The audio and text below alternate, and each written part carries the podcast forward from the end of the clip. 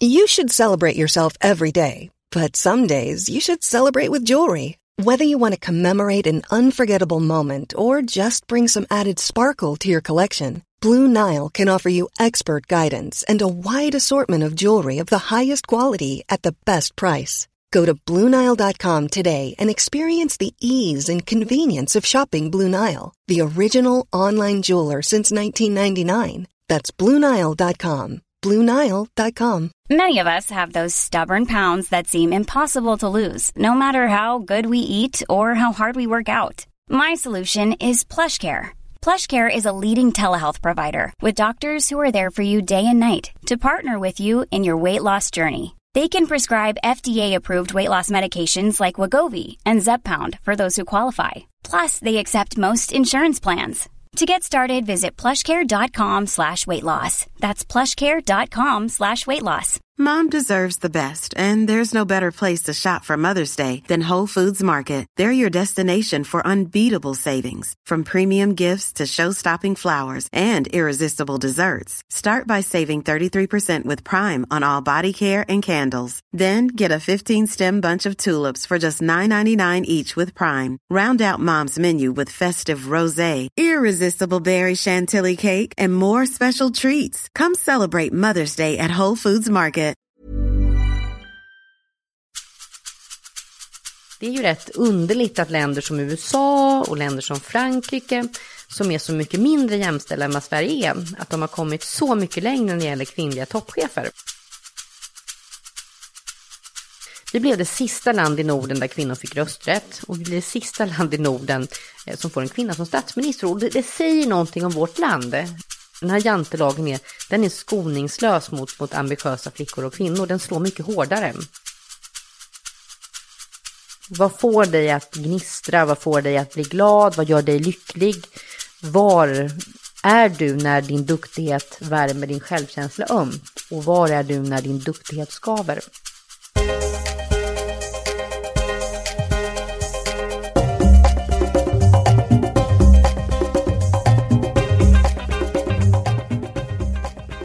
Hej och välkommen till Karriärpodden och ett rykande nytt avsnitt. Den här veckan träffar jag Birgitta Olsson som har varit en efterlängtad gäst och äntligen är hon hos mig i podden. Birgitta är ju riktigt superaktuell just nu med sin bok Duktiga flickors revansch som har fått ett fantastiskt bra gensvar. Men förutom numera författare är hon förstås mest känd som svensk politiker för Liberalerna och riksdagsledamot sedan 2002. I tidiga år blev hon ordförande för Liberala ungdomsförbundet efter några år som ledarskribent på ett antal dagstidningar. Och sedan dess har hon hunnit med att vara både Sveriges EU-minister och demokratiminister. Birgitta är ju en av våra starkaste röster inom demokrati, jämställdhet och mänskliga rättigheter. Och jag är så glad för att få låna hennes tid lite grann för att prata om det som står oss båda så varmt om hjärtat. Det här ska bli spännande. Häng med du också och lyssna.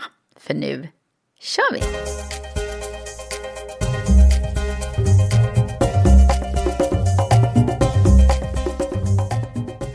Välkommen Birgitta Olsson. Tack så mycket. Du är som klippt och skuren för den här podden, för den handlar ju om framgångsrika kvinnliga ledare. Och det är ju precis vad du är och vad du brinner för. Va? Mm, det stämmer. Och jag tänkte börja med att säga grattis. Tack så mycket. Vilken succé boken verkar bli och är. Ja, jo, nej, men det kändes ju lite smått eh, nästan ofattbart att vi var inne på den tredje upplagan bara efter tre, fyra veckor. Det är inte så vanligt för kan man säga, feministiska karriärböcker att, eh, att få sin publik så snabbt och snart. Ja. Och, Vad är anledningen till att den har blivit så populär? Jag tror att eh, det är ett ämne som väldigt många kvinnor har, har längtat efter att få diskutera. Och det är väldigt, det är väldigt stark igenkänningsfaktor. Och jag märker också att när jag är ute på bokhandlar runt om i Sverige så kommer det ju ofta hundratals personer. Och det är liksom kvinnor som säger sig älska boken, som är alltid från 14 till 85. Och många män också som läser boken och det inspireras med, mot sina tonårsdöttrar och ser också oförrätter kanske som de inte har sett tidigare i deras flickors och hustruar och döttrars. Ja. Kan det vara så att vi är som redo för det här nu? Eller vad är det som händer undrar jag som också jobbar med frågan? Jag tror ju också att um, om vi blickar ut globalt så har vi ju sett, det är ju inget nytt fenomen, men att um, hårt arbete, slit, strävsamhet har ju alltid varit uh, den säkraste feministiska biljetten för en flicka och kvinna att förändra sitt liv. Det är ingen nyhet, det har varit så eh, sedan urminnes tider, men nu lever vi också i en värld där globaliseringen blir mycket starkare och där ehm, de här egenskaperna kommer att eftersträvas ännu mycket mera. Och då tror jag att eh, då är det en tid där, där de duktiga flickorna verkligen kan få revansch. Och jag tror också att eh, Företag kommer inte att fråga i framtiden hur ser vi till att de duktiga flickorna inte bränner ut sig. Utan det kommer bli hur får vi de duktiga flickorna att komma till oss och hur får vi dem att stanna. Så att jag är väldigt glad över att ha skrivit den här boken och känt också hur jag ser också för, framför mig ett mera piggt näringsliv. Mm. Där många faktiskt företag eh, har förändrats jättemycket och ser de här kvinnorna som tillgångar och inte bördor. Ja, det är helt fantastiskt. Äntligen. Äntligen. Men du, nu ska vi djupdyka ner i dig för att... Jag är så nyfiken på hur din resa har sett ut mm. och hur det kommer sig att du har blivit så framgångsrik inom de här områdena. Mm.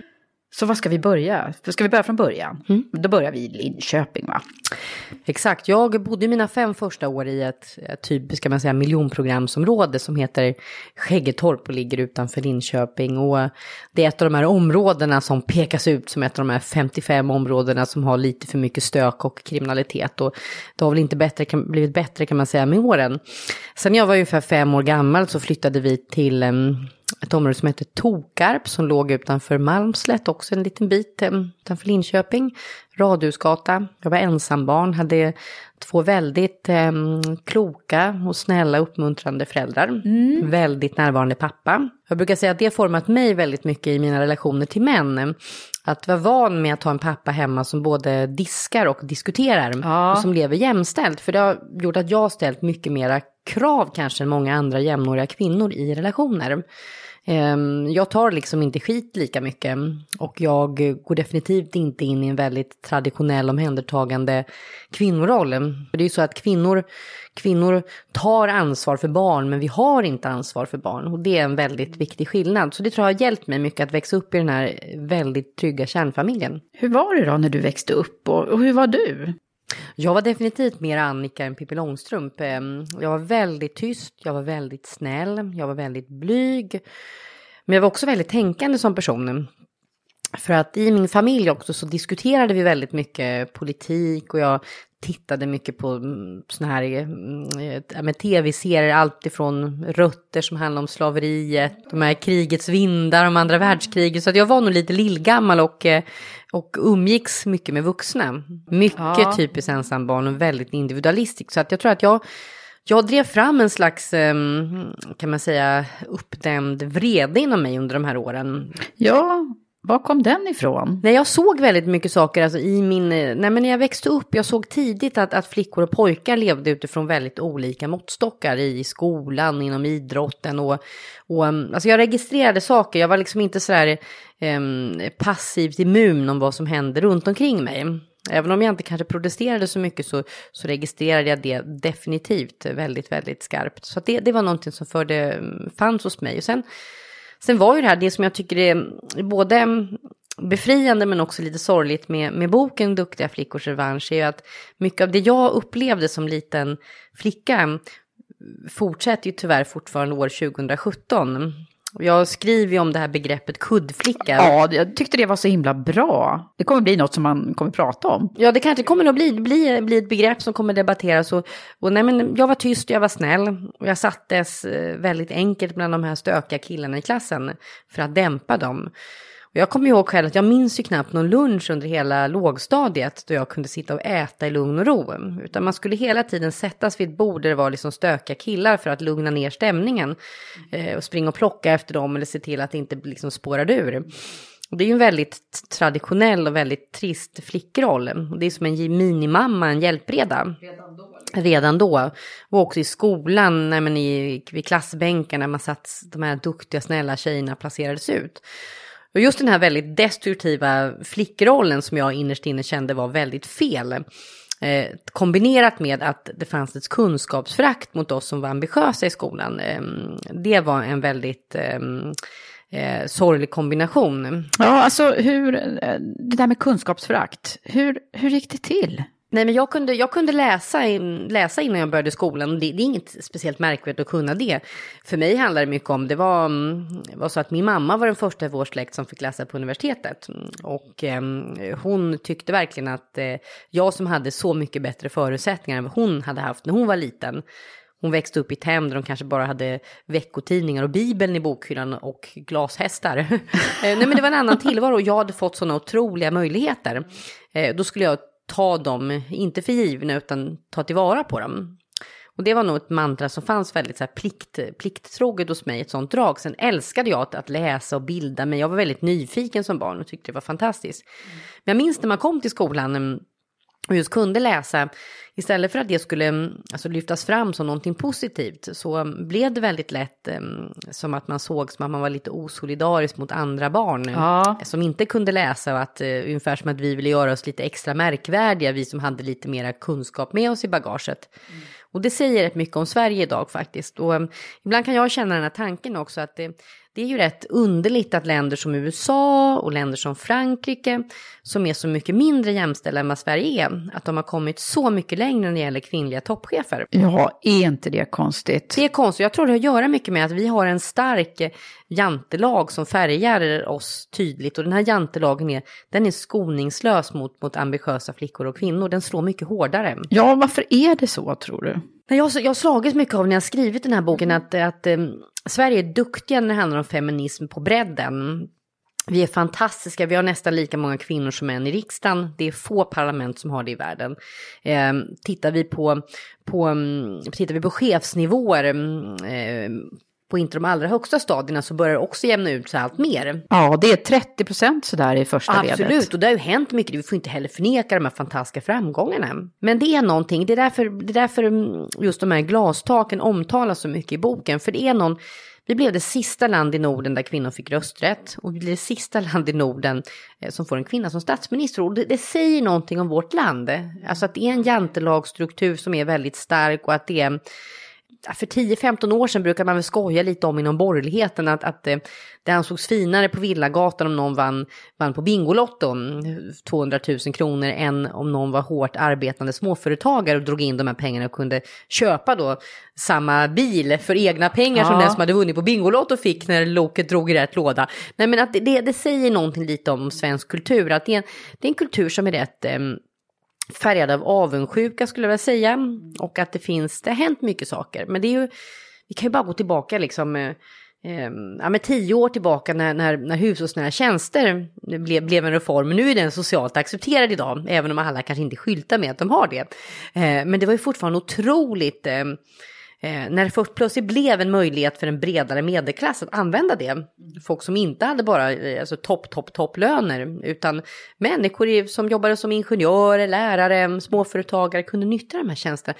Det var ju väldigt ja. skämmigt och kontroversiellt. Det gjorde man inte riktigt. Man skulle klara allt själv. Och det, jag märker också i de, här, i de här recensionerna av den här boken, och boken har ju blivit hyllad också, det vill jag verkligen, jag är, ja. jag är enormt lycklig över att många av mina eh, favoritskribenter som Heidi Avlan på Sydsvenskan, som Sakine Madon som är på Västmanlands Läns Tidning, som Ida Ölmedal på Expressen Kultur. Många har ju hyllat boken ja. ur både liberalt perspektiv och ur vänsterperspektiv. Och tidning Kommunalarbetaren som organiserar eh, kvinnor som är barnskötare och eh, busschaufförer och undersköterskor har sagt att det här är en bra bok, läs den. För den handlar om våra löner och vår ekonomiska självständighet. Men sen finns det ju många också, man kan läsa mellan raderna ibland, att, um, att, att det är på något sätt som att det, det är fult med strävan hos kvinnor. Det är fult att vilja göra karriär. Att sticka ut, att ta för sig lite och att vara, um, kräva meritokrati. Och då är det ju något som är osunt i vårt klimat. Ja, det är det verkligen. Och jag är den första att skriva under på det där, verkligen.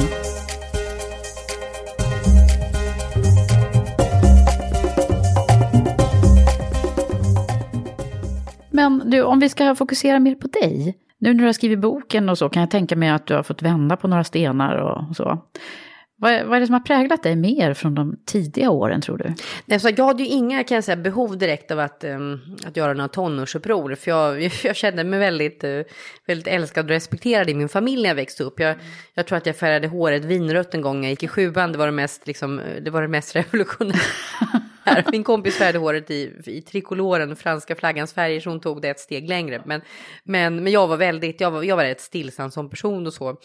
Eh, men samtidigt också så hade jag hade väldigt mycket åsikter och jag hade väldigt mycket tankar. Så att det var inte så att jag bara var liksom bara snäll och, och tillrättalagd utan det, det, det byggdes upp en vrede för jag såg mycket saker. Jag är, jag är fortfarande en person som, jag sitter ofta när jag sitter på styrelsemöten i olika sammanhang, jag sitter och registrerar människors minspel, jag sitter och registrerar härskartekniker, jag sitter och registrerar ja. liksom en slags, eh, jag är väldigt reflekterande och jag ser att min, min äldsta dotter är snart i sju år, hon är precis eh, samma typ av karaktär. Hon har ju varit med mig på mycket styrelsemöten och också suttit där och lekt. Hon, hon ser verkligen, hon ser människors sinnesförändringar och det här spelet som pågår i ett rum. Mm. Så det är nog något som många har, att man, man lär sig att studera människors, ja. eh, hur människor agerar. Så jag, jag, gjorde det väldigt mycket.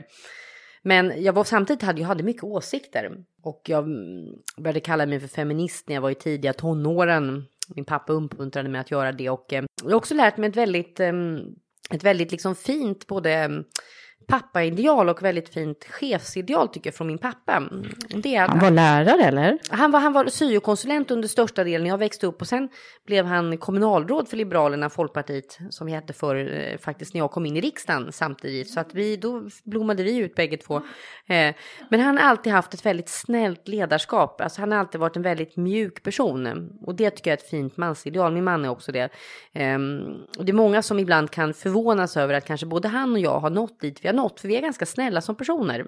Alltså ganska, vi är rätt mjuka som personer i hur vi behandlar andra och, och så. Och, att, och det tycker jag också är bra. Det ligger det, också i framtiden. Det ligger i tiden och det finns ju enormt härliga studier som visar att, att um, Dels är det skillnad mellan att vara ledare och att vara chef. Det är en väldigt stor skillnad. En chef är för mig mycket en, en exekutiv person som utför det som ska göras. Medan en ledare får ju med sig människor att gå mot en roll, gå mot ett ideal. Så det tycker jag är jätteskillnad. Men det var... Så det är pappa som har varit förebilden? Det är nog pappa mycket. Och sen har jag ju inspirerats mycket av min mamma också. Absolut. Hon har ju funnits också väldigt liksom nära. Hon har ju varit den som har har hjälpt mig väldigt mycket med, jag har ju haft en enorm tur att få stöttning med med, eh, nej, med läxor i skolan och att alltid liksom ha, ha det här att, eh, den här uppmuntran hela tiden. Att, att, att, att, att inte sikta under sin förmåga. Ja. Att, att verkligen våga sikta lite högt och så. Sen var, började jag på högstadiet och hade fantastiska lärare som också mm, formade mig mycket.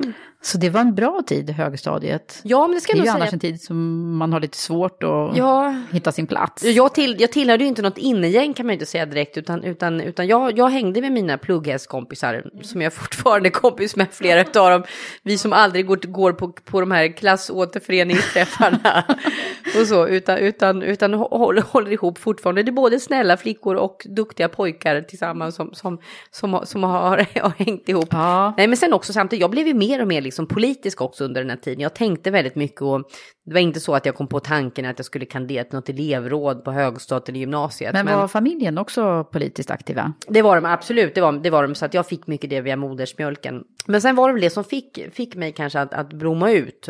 Och då hade jag ju den här enormt uppdämda vreden från barnsben till, till då 18-19 års ålder. Det var när jag gick på gymnasiet. Eh, och då var det mm, min sista tid på gymnasiet så skulle jag skriva ett, ehm, ett sånt där specialarbete ehm, i, i, det var väl historia var det, samhällskunskap, SO-ämnen. Och då hade jag varit i, mm, sommaren innan, sommaren 1993, så hade jag varit i varit i USA på en språkresa.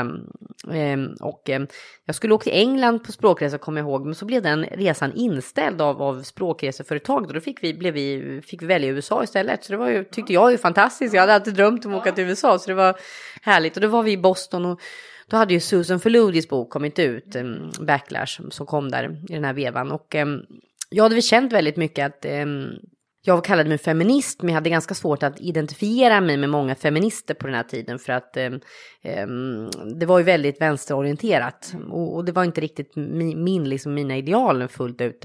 Men då kom ju hennes bok och den var ju så mycket mer alltså, lätt att, eh, lättrelaterad. Den pratade om Hollywoodkulturen, det var filmer man hade sett som man hade irriterat sig på att de var kvinnohatande. Mm. Det var mycket saker som låg liksom verkligen, eh, låg, något som jag kunde, kunde liksom tycka till om. Så låg jag i den här skrangliga eh, studentsängen i, i, på Mount Ida College utanför Boston och, och läste den här boken. Och sen kom jag hem och skulle skriva det här arbetet och då handlade det om då backlashen som jag skrev om mot den svenska kvinnan. Och jag hittade nog bakslag mot den svenska kvinnan som inte fanns. Jag var lite kreativ kanske. Eh, så att, så att, mm, så att jag, jag drev på där. Men då höjde jag liksom min röst på något sätt för första gången. Ja, var det första gången? Ja, men så som jag gjorde, som jag tog liksom lite strid utanför den lilla gruppen. Och eh, jag hade en, en väldigt älskad eh, historielärare på gymnasiet, Tommy Lundqvist, som har, har uttalat sig väldigt snällt och fint om mig i andra böcker när han har fått kommentera gamla elever. Han är en ganska känd skoldebattör att han beskriver mig verkligen som en sån här mönsterelev som är en duktig flicka och han gillar duktiga flickor. Han gillar ungdomar som, som är ambitiösa och som verkligen vill förkovra sig, som är intresserade och han han ehm, var själv klassresenär och han hatade verkligen eh, alltså, ungdomar som slöade till och levererade under sin förmåga. För vad, vad, men, men då kan jag säga så här, vi fick en riktig clash jag och Tommy med den här, den här uppsatsen. För att han tyckte han hade själv skrivit sin avhandling om, um, om den här reglementerade prostitutionen som Fröken Friman handlar om. Jaha. Så han var liksom väl förtrogen med kvinnohistoria. Men han tyckte verkligen att jag hade, um, han tyckte att det var patetiskt att en, att en 18-19-årig eh, flicka skulle ge liksom råd till vuxna kvinnor och att han tyckte att jag hade um, han skrev om att om jag inte hade skrivit så god svenska så visste han inte att han hade kunnat liksom ge mig godkänt ens. Så det var väldigt stark kritik. men det var, jag, tycker det är fortfarande ett fint arbete. Men um, jag hade väldigt ångest för den här gulnade lappen med hans kritik under många år när jag såg den här i bokhyllan hemma. Så jag, men vad hände då, då med dig? Nej, men då blev jag, då, då, då, då gick jag, då kom jag, då gick jag, då bestämde jag mig att gå ut ur den här blyghetsgarderoben liksom en gång för alla. Men jag förblev en duktig flicka. Mm. Så då, det, och det var en viktig lärdom. Att, ja. att, eh, och jag insåg väl sen också ganska snabbt att... att men då mm, gav det dig ändå lite blodad tand där? Ja, men det gav han. Och det, det, var nog något, något som har triggat mig mycket tror jag, i, min, i min karriär i politiken och på andra sammanhang. Att, eh, att jag jobbar nästan bäst när jag har som starkast motstånd. Mm. Eh, och eh, alla de här gångerna i livet där människor har sagt åt en att eh, att man inte kommer klara olika uppdrag, att man inte ska kandidera till dittan eller dattan. Um, då blir det något jävla namn eller? Ja, men då blir, då blir jag rätt förbannad och sådär. Och när människor ska så omyndigförklara ens intelligens ibland och vara väldigt nedlåtande på olika sätt. Och det har jag ju skrivit om i boken också, det har hänt mig flera gånger. Och då, då um, nej, jag, jag... Vad är det som gör att du får sådana kommentarer då? Nej, men jag, jag, jag har också tänkt också så här, jag har ju känt mycket den här, mm, jag frågade min, min, min, min unga medarbetare nu mm, som, mm, kring det här faktiskt, vi har diskuterat mycket kring boken och så och, och och um, som är, hon är över 15 år yngre än mig. Men vi diskuterar, för det har nästan alltid varit så under hela min karriär att, att jag blir ju ofta väldigt starkt älskad av många och får ju många följare. Um, och så och sen är det alltid några som väl, stör sig väldigt mycket på mig också. Så att jag triggar igång, både positivt och negativt. Jag har tänkt mycket på det ja. när boken har, har recenserats nu också. Mm. För att det, det, är så många som, eh, ibland är det manliga skribenter som koketterar med att de inte, har, de skriver om boken men de koketterar med att de inte ens har bemödat sig att läsa den.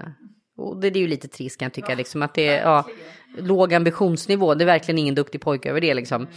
Men, men sen är det ju många skribenter också som är väldigt, de nästan de uteslutande liksom recenserar min person och inte vad jag skrivit om. Och det tycker jag det är väldigt fascinerande. Ja. Så det är det sjukaste de har läst den här boken och känner jag oj, då, då undrar man vad man har för referensramar. Nej men det är väldigt starka känslor och väldigt då, och, och det är också den här tråden att, att eh, att, um, att du som kvinna, om du är väl framgångsrik eller ambitiös eller har tydliga åsikter med vad du tycker, då har du alltid en baktanke. Det, det alltid finns, kommer alltid tillbaka hela tiden och att folk liksom inser varför skriver hon den här boken nu? Och jag hade kontakt med min förläggare första gången för tio år sedan och jag skulle ha levererat boken för ett år sedan. Så att det, det är ju, jag har inte varit så duktig där med min, min, min skrivande.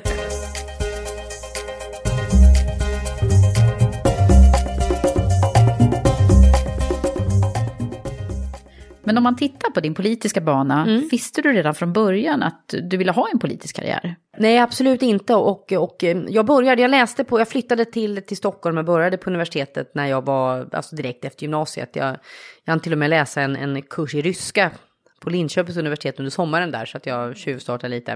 Eh, men sen började, då kom jag in på ryska i Lund till hösten och så kom jag in på statsvetenskap i Stockholm.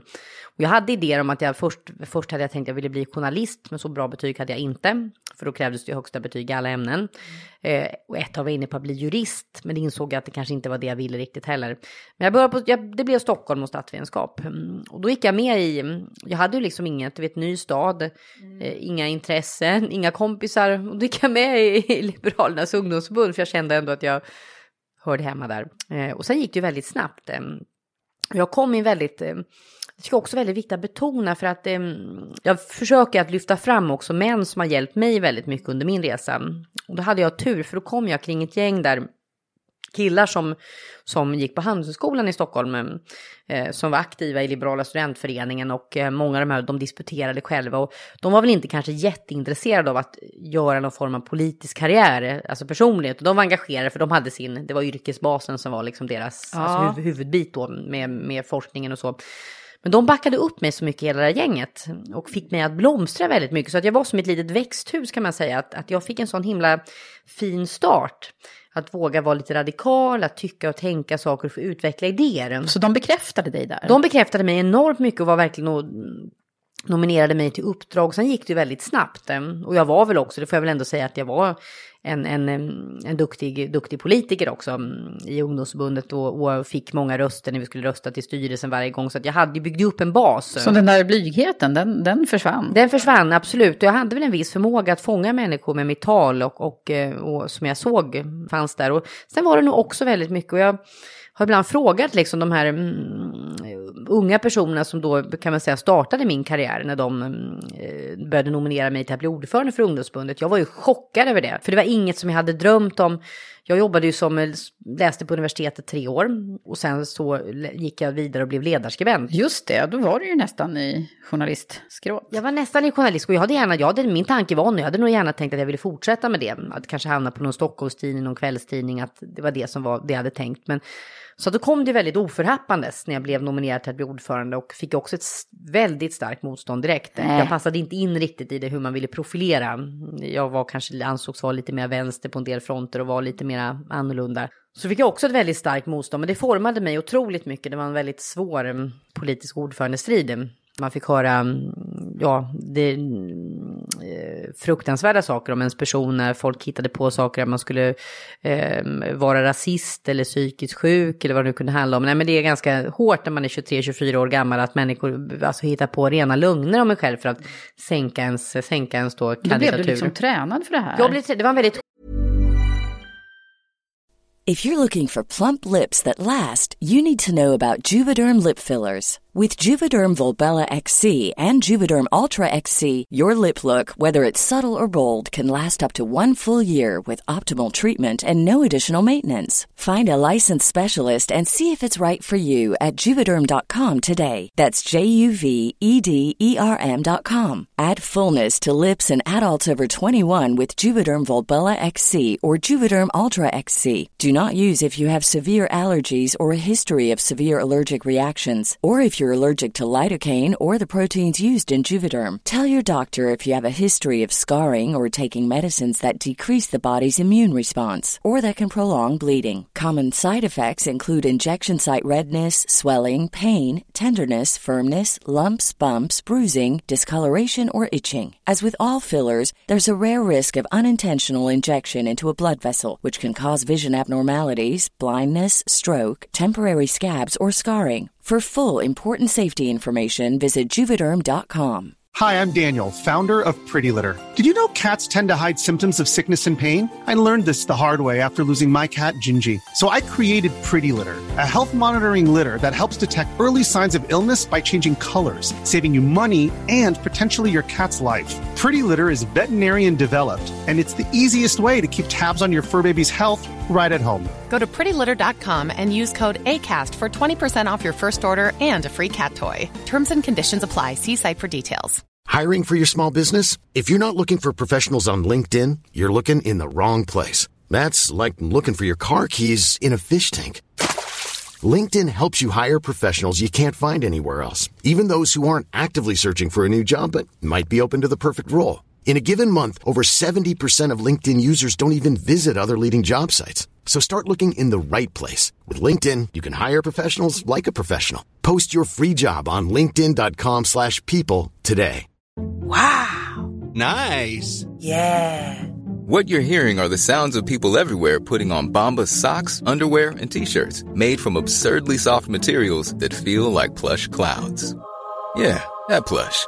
And the best part? For every item you purchase, Bombas donates another to someone facing homelessness. Bombas. Big comfort for everyone. Go to bombas.com slash ACAST and use code ACAST for 20% off your first purchase. That's bombas.com slash ACAST. Code ACAST. Hey, it's Ryan Reynolds, and I'm here with Keith, co star of my upcoming film, If, only in theaters, May 17th. Do you want to tell people the big news? All right, I'll do. Sign up now and you'll get unlimited for $15 a month in six months of Paramount Plus Essential Plan on us. Mintmobile.com slash switch. Upfront payment of $45 equivalent to $15 per month. Unlimited over 40 gigabytes per month. Face lower speeds. Videos at 480p. Active Mint customers by 531.24 get six months of Paramount Plus Essential Plan. Auto renews after six months. Offer ends May 31st, 2024. Separate Paramount Plus registration required. Terms and conditions apply if rated PG. På resa liksom för mig. Och egentligen ville jag inte bli ordförande heller från början. För att jag hade tänkt att sluta egentligen göra någonting annat. Men då blev, det blev jag väldigt triggad. För något som jag är allergisk mot så är det dåligt ledarskap. Alltså skillnaden mellan folk som är chefer och ledare. Alltså människor som, människor som får makt genom att kränka andra och behåller makt genom att kränka andra. Det är liksom no-go för mig. Och då kände jag, då är det kanske bättre att jag har makten än att de har makten. Det är lika bra att ta själv för att jag har en annan ledarstil och, och, och den, är, den är bättre. Vad coolt. Och sen hade jag också tänkt, jag var ordförande för ungdomsförbundet ett par år. Och jag fick också under den här tiden en, en erbjuden att gå tillbaka till tidningsvärlden. Och var väl liksom... Jaha, men så där fick du alltså ett val? Jag hade ett val mitt i där att gå tillbaka, att inte satsa på att komma in i riksdagen. Och så, så jag hade, det, var, det var något som jag övervägde, att jag skulle gå in, Ja. gå tillbaka till tidningsbranschen.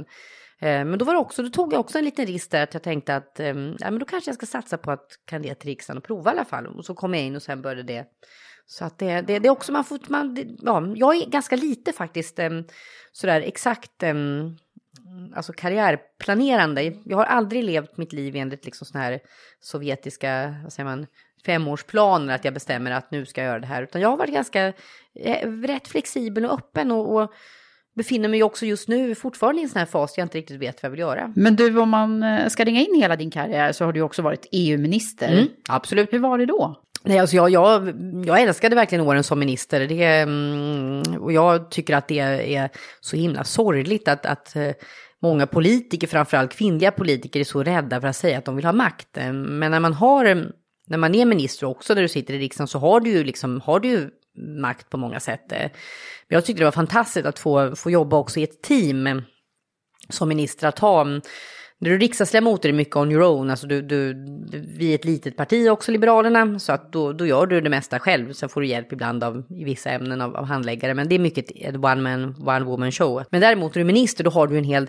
då är du liksom del av ett team på sju, åtta personer. Mm, så att du har ju mycket mer än, alltså en, en Alltså en uppstyrd vardag och verklighet, men också mycket mer alltså kunna ta initiativ och göra saker. Så det, det tycker jag var en fa- fantastisk fem år. Och så fick du väldigt mycket inblick i Europas politik. Ja, och... absolut, det fick jag. De, definitivt, definitivt. Så att det, det, det är verkligen år jag ser tillbaka med oerhört. Hade du velat fortsätta? Ja, men det är klart, absolut. Jag, jag tror de, de som inte är liksom politiska, alltså djur, det är ett hemskt begrepp, men, men, men man måste liksom ha, på samma sätt som man måste ha en instinkt att liksom inse att em, att, att klassresa måste du göra själv, alltså få en bra grund, men sen måste du ha drivet själv och så är det ju näringslivet också. Du kan inte vänta att någon kommer och bjuder upp dig, att det ramlar ner uppdrag, du måste vara driven själv. Ja. Och se det lite i politiken också, att du måste ha den här liksom lusten, törsten att, att vilja. Ja, just det. Men om man tittar, är det flera sådana här, om man säger nyckelpositioner eller situationer som man skulle behöva veta om man ska kartlägga Ehm, sin karriär? Nej, men jag tror, nej men dels, dels åren, det är klart att den politiska åren har färgat mycket, men också den här tiden ehm, tror jag när jag, när jag var, när jag var, liksom var, var ledarskribent också. Jag, jag kom ju också när jag var, då var jag väl kanske 23 eller någonting tror jag. Um, då kom jag ju till, skulle jag börja jobba på Sundsvalls tidning. Som är uppe, för jag flyttade dit jobben fanns. Jag var i Umeå ett tag på Västerbottens-Kuriren och så var jag på, i Västerås på Västmanlands läns tidning och så åkte jag till Sundsvall och var där ett tag. Och där fick jag ju som en relativt, det är ju en ganska liten tidning, men jag var ju också ensam ett tag under den perioden. Då hade jag ju liksom, det var en sju dagars tidning och jag skulle liksom skriva alla de här ledarna varje dag och debatt, göra, redigera debattsidan, Men det var mycket. Men det var också en lärdom, det var också att jobba hårt. Det var ju det var att vara där på morgonen klockan åtta och sen sällan gick man hem före elva på kvällen. Och det är också, jag tror Vad bra att det att du hade med dig det. Ja, absolut, absolut. Och det, det tycker jag var en fantastisk värld också. Så. Det är ju roligt det där med karriärplanering som du säger. För det är nämligen väldigt få av dem som jag intervjuat som gör det överhuvudtaget.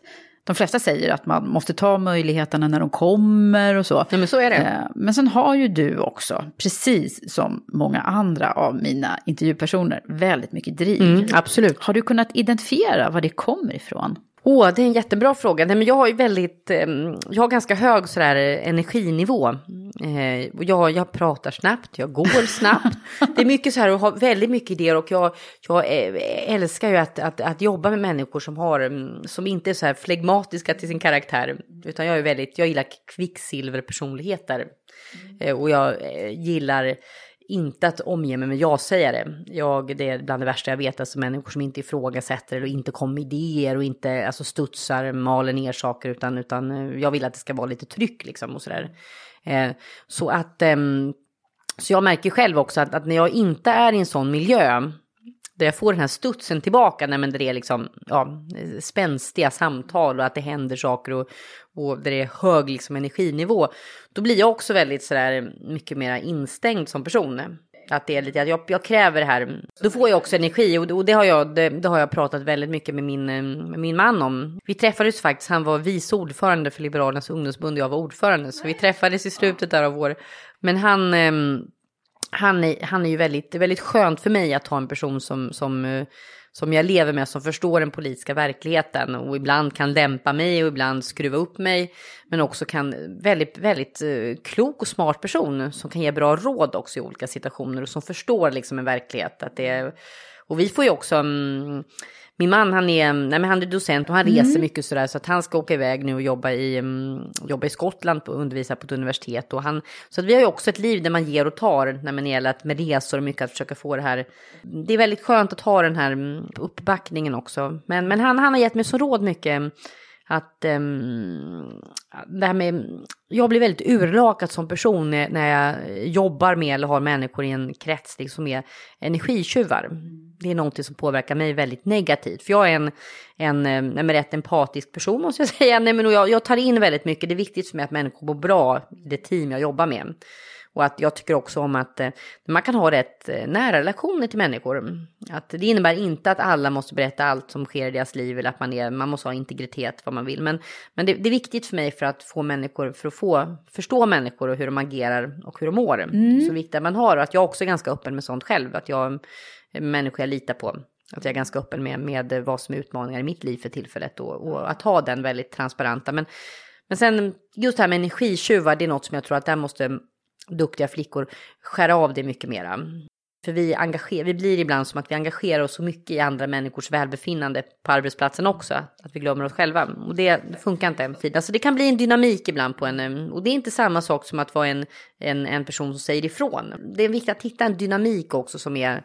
Ja, det är spännande. För det, det har ju varit så mycket brus kring dig. Och mm. Det har ju varit några stunder där du har fått möta väldigt mycket motstånd. Ja, absolut, absolut. Det var ju inte så länge sedan eller? Nej, just det. I höstas var det några som krävde min avgång ur partiets ja. ledning och så. Det, mm, eh, det är alltid så att när man är med i en sån här, nu var jag lite förberedd dagen innan där på att det skulle ske. Mm, eh, Men du fick ju ett enormt stöd. Jo, det fick jag absolut. Men det är lite, man vaknar upp i en sån här politisk torktumlare. Det är så svårt. Jag kommer ihåg att det, det här skedde ju dagen efter riksdagens högtidliga öppnande hade varit och jag jag visste ju redan eftermiddag kväll innan att det var någonting på gång. För det är klart att människor, det finns goda människor som också informerar och eh, ja, berättar mm, och, och, som inte vill vara del av någonting sånt. sånt. Men, ehm, men det är klart att det är ganska eh, rätt jobbigt att ha journalister hängandes i trapphuset och eh, eh, som ringer på dörren och så. Svårt att förklara för barnen varför någon trycker på knappen så länge. Men, men, men det, är, det är deras jobb, så att det är journalisternas jobb, så man får ha hög tolerans. Men, men, men det är klart att det var ju en väldigt stor, stor politisk liksom, torktumlare, det var ganska jobbigt. Och um, jag har ju också ett barn som är liksom min äldsta flicka som är, ja, fyller sju till sommaren och hon de förstår ju, de tittar på nyhetssändningar och jag är med i varenda nyhetssändning och undrar vad jag har gjort, om jag har gjort något, om jag har liksom, ja, varför händer det här? Och liksom, min dotter frågade så här, är du fortfarande mobbad på jobbet? Så här, nej, jag sa så allvarligt är det inte. Nej, men det, det är mycket, det blir ju en, en ganska intensiv liksom, period och så där när det händer. Men, men jag, eh, jag fick så jätte, tycker jag, stor kärlek i mitt parti och utanför mitt parti. Så att det, det men man blir ju lite, och det, det gjorde jag också, jag skriver ju om det i, i boken ja. också det som också har hänt liksom för mig de här åren, det är att eh, jag tänker också mycket på framtiden. Var, var, var, var, var känner jag, var, var trivs jag bäst och var kommer jag till min rätt mest? Det är något du måste ställa de här frågorna. Och, um... Jag satt och tänkte alldeles nyss när du satt och pratade här att den där energin, tänk om man fick sätta den i en säljorganisation ja. eller något. jag kanske kan få ha ett jobberbjudande innan podden är slut.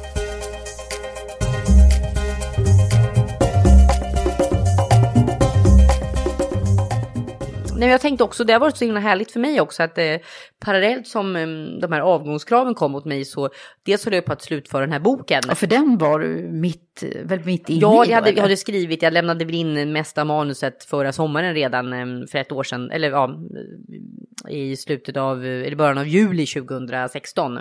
Men sen så skrev jag ju klart under hösten också, att jag blev lite försenad tack vare de här, eller på grund av de här mm. avgångs kraven. Men, men så hade jag också, då var det så väldigt, då var det så skönt för mig att jag hade sådana fantastiska också medarbetare på, inte bara på riksdagen, utan också på, på Bonnier. Min fantastiska förläggare och um, min redaktör. Ja. Anders Sjöqvist som är min förläggare och, och um, Eh, och, Lisa mm, Jonasdotter Nilsson som är min redaktör och ehm, Marie Björk som är eh, kommunikationsansvarig för bok som backade upp väldigt fint också. Det var också en väldigt varm miljö att komma till, att kunna som ha lite andrum i faktiskt. Så det kanske var väldigt bra det här med boken då? Ja, men det var det. Den kom väldigt rätt på så sätt att, att vi kunde inte jag förutse. Men det var också, det fick mig också att tänka till lite och, och mm, det händer ju genom åren när man blir, när man blir uppvaktad liksom också utifrån av andra organisationer och företag. Och jag jag var rätt, lite, var, blev rätt irriterad också på den här avgångsdebatten och um, så jag åkte faktiskt till, åkte till London. Det var väl typ någon, någon vecka efter allt det här hade skett um, mm. till ett, ett, stort brittiskt företag som hade uppvaktat mig ett tag uh, och, och åkte dit och, och, um, och de var väl i slutfasen av en rekrytering till ett fantastisk chefsroll som jag tror hade passat mig väldigt bra och där de verkligen Eh,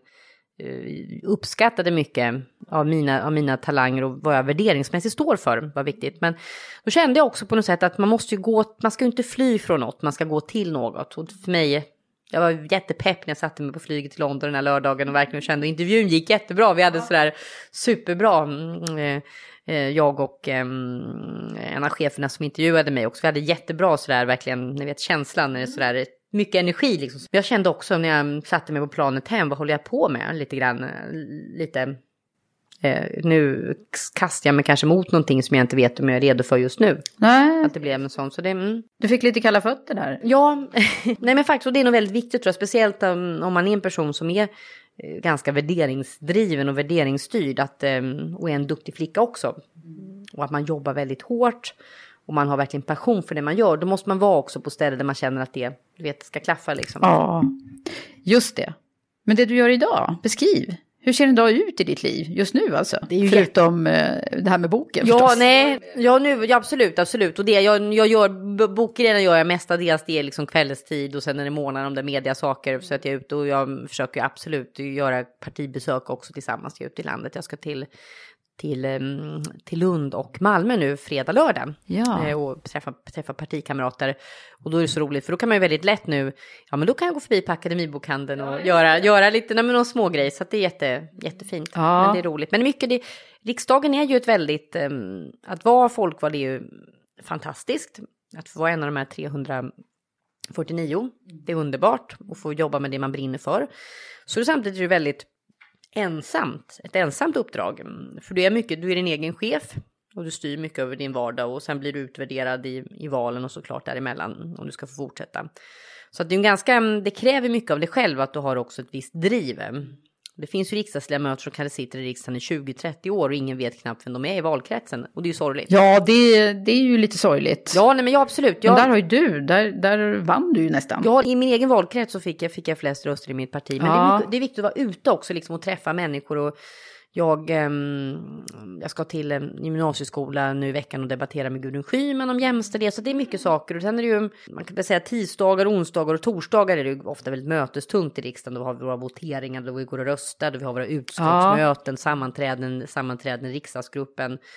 Um, och sen ofta, så här, sen är det mycket, jag kanske är mera eh, alltså utåtriktad. Jag tycker det är väldigt roligt att vara ute och prata om politik också, att inte bara sitta i... Det är ett val ni gör alltså? Ja, men absolut. Vi, vi styr ju mycket över, över alltså hur vi vill lägga upp våra alltså, aktiviteter. Men eh, det är inte alla som är lika energiska som du kring Nej, det det är nog väldigt olika. Det är det absolut. Jag tillhör väl då en av dem som tycker att man kanske skulle kunna eh, skära lite i antalet riksdagsledamöter. Samtidigt är det viktigt att hela landet är liksom representerat, så det är en, det är en dubbelhet.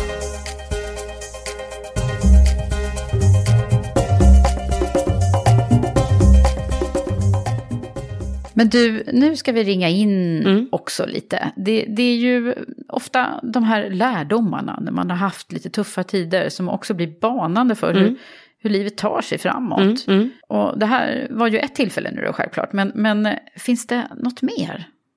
Nej, men jag tror att det, det är många, ibland kan det ju vara politiska sakfrågor, att det stormar kring frågor. Vi hade ju för tio år sedan den här FRA-affären och hela den här debatten. Ja. Och, och jag har väl haft många sådana andra ibland debatter där jag kanske gått emot mitt eget parti i en del sakfrågor. Och det, kan, det är såklart att det kan forma, men eh, och där upplever jag att det har blivit mer och mer liksom dramatiskt genom åren. Eh, Mina första fyra år där jag satt i riksdagen så var det ju ganska, det var inte helt ovanligt i, i, i mitt parti ens att några röstade emot vissa förslag. Det var inget man höjde liksom så mycket ögonbrynen för. Det var business as usual. Det blev inte så stort, men det har blivit mycket mer tror jag nu att det är mera allmänt i riksdagen, att det är mer likriktat, så mycket mer dramatik. Och det har att göra mera med också att med regeringarna är ju beroende, vi har haft minoritetsregeringar, att det blir en annat ett annat pussel med ledamöter och stöd och så, så det gör att det blir mer kanske dramatiskt. Ja. Men, men jag upplever att det var liksom lite friare faktiskt tidigare på så sätt. Men vad har varit jobbigast för dig? Nej, men jag tror det, det, det som har format mig mest, liksom, det, är, det är nog mycket faktiskt den här eh, gamla striden 1999 i ungdomsförbundet. För den, eh, fram tills dess så var jag ju inte så mm, alltså inne på att jag ville kanske hålla på med politik, så, utan det var mer ett litet fritidsintresse. Men det blev mm, väldigt, ehm, det blev på något sätt lite avgörande för att, att eh, tror jag, min syn på ledarskap också. Att jag liksom kände att jag, jag kan inte acceptera liksom fulspel hur som helst. Alltså det går inte. Det, det, det är inte så här det ska vara liksom. Och att människor liksom krampaktigt håller sig kvar vid makt eh, utan att de behöver leverera eller vad det nu kan handla om. Att det, det, det, mm, nej, det, det, det var något som formade mig tror jag nästan mest. Men sen har fick du en väldig massa mod då? Ja, men jag tror det blev det, det karaktärsdanade mig nog både på, på gott och ont. Och det är väl något som man får mm, se upp med lite också. Jag, jag har ju en, en väldigt stark... Eh, alltså jag, är inte, jag är inte långsint som person eh, på något sätt egentligen. En, en av mina klasskompisar här från, från lågstadiet mejlade mig häromdagen på Facebook och sa det att Åh hjälp, jag inser att jag var en av de här stökiga killarna som du var kuddflicka för. Jag ber om ursäkt, skrev han. Och då skrev jag tillbaka, jag är inte långsint, skrev jag liksom. Men bra att du tänkte så. Ja. Men jag är inte långsint, men däremot är jag väldigt stolt som person. Och det tror jag kan vara någonting som em, kan vara svårt. Och sen så finns det stunder när du förmodligen har känt väldigt stor glädje över det du har åstadkommit. Vad kan det vara för tillfällen då? Åh, det finns ju, ibland, ibland behöver det inte vara så här kanske enskilda liksom sakfrågor, men, men um, vad ska jag ta som exempel? Mm, så här på rak arm. Men jag kan ju känna, mm, jag kan känna ibland kanske när jag, när jag kanske har fått, ibland, em, det kanske inte de allra mest mediala frågorna, men jag kanske har fått, fått utmana mig själv och ta mig in på lite andra fält. Ja. Och en fråga som är ju rätt, kan man säga, osexig, som jag hade hand om som EU-minister, men som tog 70 procent av min tid under vissa perioder. Och det var ju när vi skulle förhandla mm, EUs så kallade multi-annual financial framework, EUs långtidsbudget. EU tar ju sina budgetar Ja. på sju år. Det är ett jätte, det är miljard, miljard, miljardbelopp. Eh, Och, då, och det är alltid så här, för det blir en väldigt het debatt i Sverige. Får vi betala mer eller mindre? Vad, hur mycket det, det låg på mitt bord som, som minister. Eh, Och då kände jag också ett oerhört, ett oerhört förtroende från, eh, från Fredrik Reinfeldt som statsminister för att jag fick hålla i det här ända in på slutet. Mm, ofta var det ju så tidigare att, att, eh, att statsminister gick in ganska snabbt och tog över. Men att han hade starkt förtroende för mig i de frågorna och för mitt team. Jag hade en fantastiskt duktig medarbetare, Johan Sandberg, som hade jobbat 15 års tid på Finansdepartementet och hållit på med de här förhandlat med de här frågorna. Men vi var ett väldigt bra team, men då, då tvingades jag ta mig in i frågor som inte hade varit mitt fält vad gäller ekonomi och att välja att, att vara med i ett EU-pussel. Att bygga Mm. allianser med andra länder och bygga upp liksom strategier och, och så. Och det var jättenyttigt och det blev ett bra resultat också. Mm. Och det var väldigt nyttigt för mig att, att dels ta en, gå in på ett fält där jag inte var så jätteerfaren. Mm.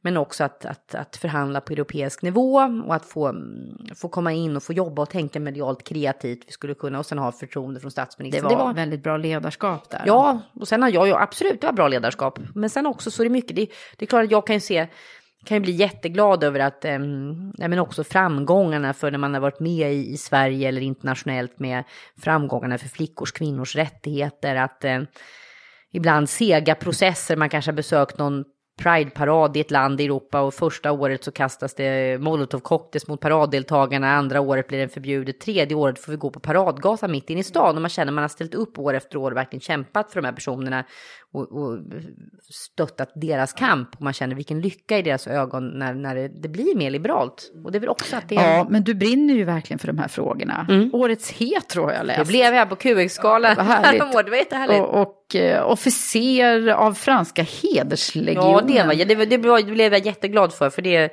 ehm, det, det är inte helt, helt vanligt, men det var fantastiskt fint att få den utnämningen. ehm. Vad fick du den för? Jag fick den för, jag, jag har aldrig tillhört den här eh, eh, frankofon, nej men den, den delen av Europa. Jag har mer varit anglosaxisk liksom i min, i min liksom karaktär. Men, men, eh, nej, men jag fick den för mitt Europaarbete och att jag jobbat för mänskliga rättigheter så länge och backat upp och också ibland kritiserat Frankrike och andra länder men att, haft, att det var en stark passion för det här sammanhållande Europa. Så det blev jag jättestolt över. Ja, vad coolt. Men du, nu ska vi ju också avrunda Mm. med dina bästa tips. Och då finns det ju redan tio väldigt bra budord redan. Men vi hinner ju inte ta alla. Men vilka är dina favoriter? Vilka är mina budordsfavoriter för dagen? Nej då, nej då. jag gillar dem alla på olika sätt. Men, eh, Jag har också några favoriter. Ja, nej, men jag tror, jag tror att det är jätteviktigt. Jag får den här frågan mycket. Jag var på, var på no, Disneys Nordenkontor häromdagen och talade. Och, och jag är ute mycket på företag. Det är fantastiskt kul att se hur näringslivet har omfamnat den här boken. Och också den har stimulerat till samtal i många företag. Alltså tuffa samtal. Kring föräldraledighet, kring glastak, kring, kring alltså, mm, trista attityder som många företag har. Verkligen, det är ju de vi håller på att jobba med. Utmärkt, Nej, vi måste verkligen, vi ska piska på, uppmuntra, morot, piska, allting ska fram liksom. Men då har jag tänkt mycket på, då får jag ofta, många säger hur ska man skapa liksom en, en schysstare grund? Och då tror jag att det är det här första budordet att, att du ska kräva meritokrati.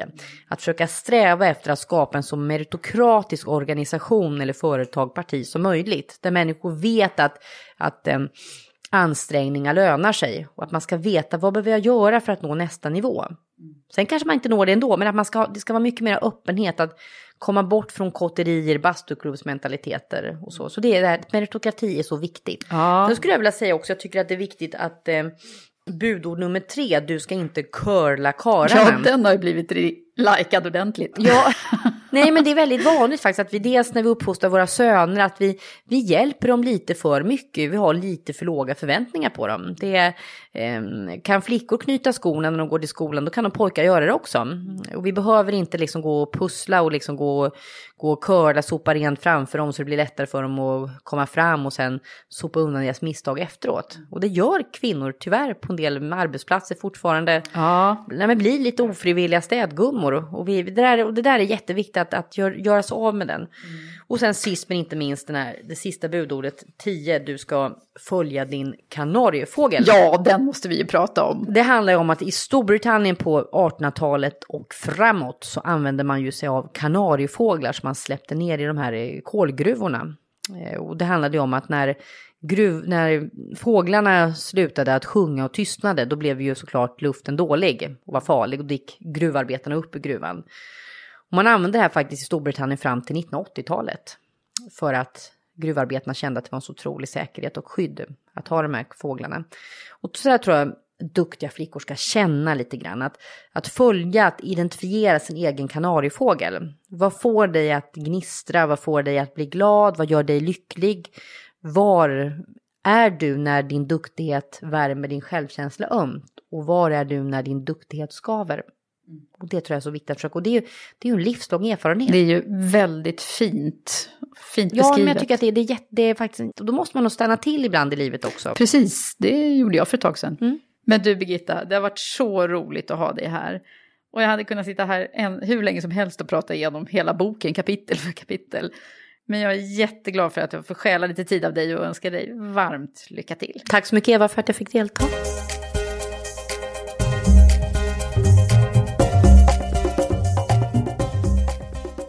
Så här efter vårt samtal så tänker jag att vad bra att hon sätter ord på det som jag tror att många av oss tänker, känner och har upplevt på olika sätt. Tack Birgitta. Så vill jag också berätta att förra veckan var ju väldigt intensiv för oss i Women for Leaders med den internationella kvinnodagen och alla aktiviteter och galor och nomineringar till fantastiska kvinnliga ledare som vi följde. Och flera av dem som fick pris och var nominerade finns att lyssna på här i Karriärpodden. Så du har, om du scrollar ner i listan så kommer du hitta flera av dem som du kan lyssna på. Och vi i Women for Leaders hade också release och nyhet om vår märkning Equal Employer. Det innebär att vi hjälper företag att aktivt och konkret arbeta och sträva efter att bli en ännu mer jämställd arbetsgivare. Och vi är så glada att meddela att först ut med det här är Telia. Så behöver du eller ditt företag också det här? Hör av dig till oss direkt på womenforleaders.com. Ha det nu så bra så hörs vi snart igen. Hej så länge!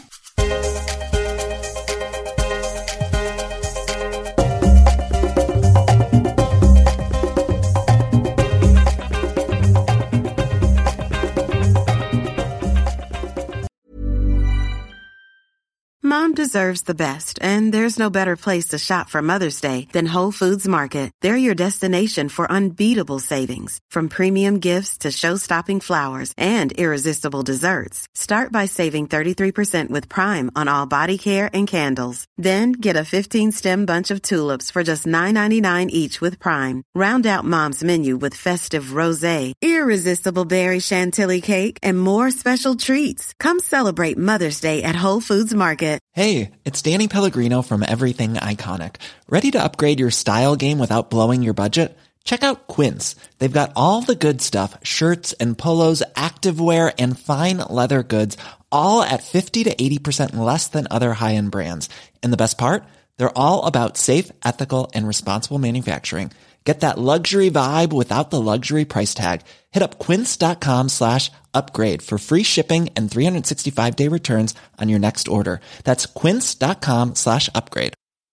Mom deserves the best, and there's no better place to shop for Mother's Day than Whole Foods Market. They're your destination for unbeatable savings, from premium gifts to show-stopping flowers and irresistible desserts. Start by saving 33% with Prime on all body care and candles. Then get a 15-stem bunch of tulips for just $9.99 each with Prime. Round out Mom's menu with festive rosé, irresistible berry chantilly cake, and more special treats. Come celebrate Mother's Day at Whole Foods Market.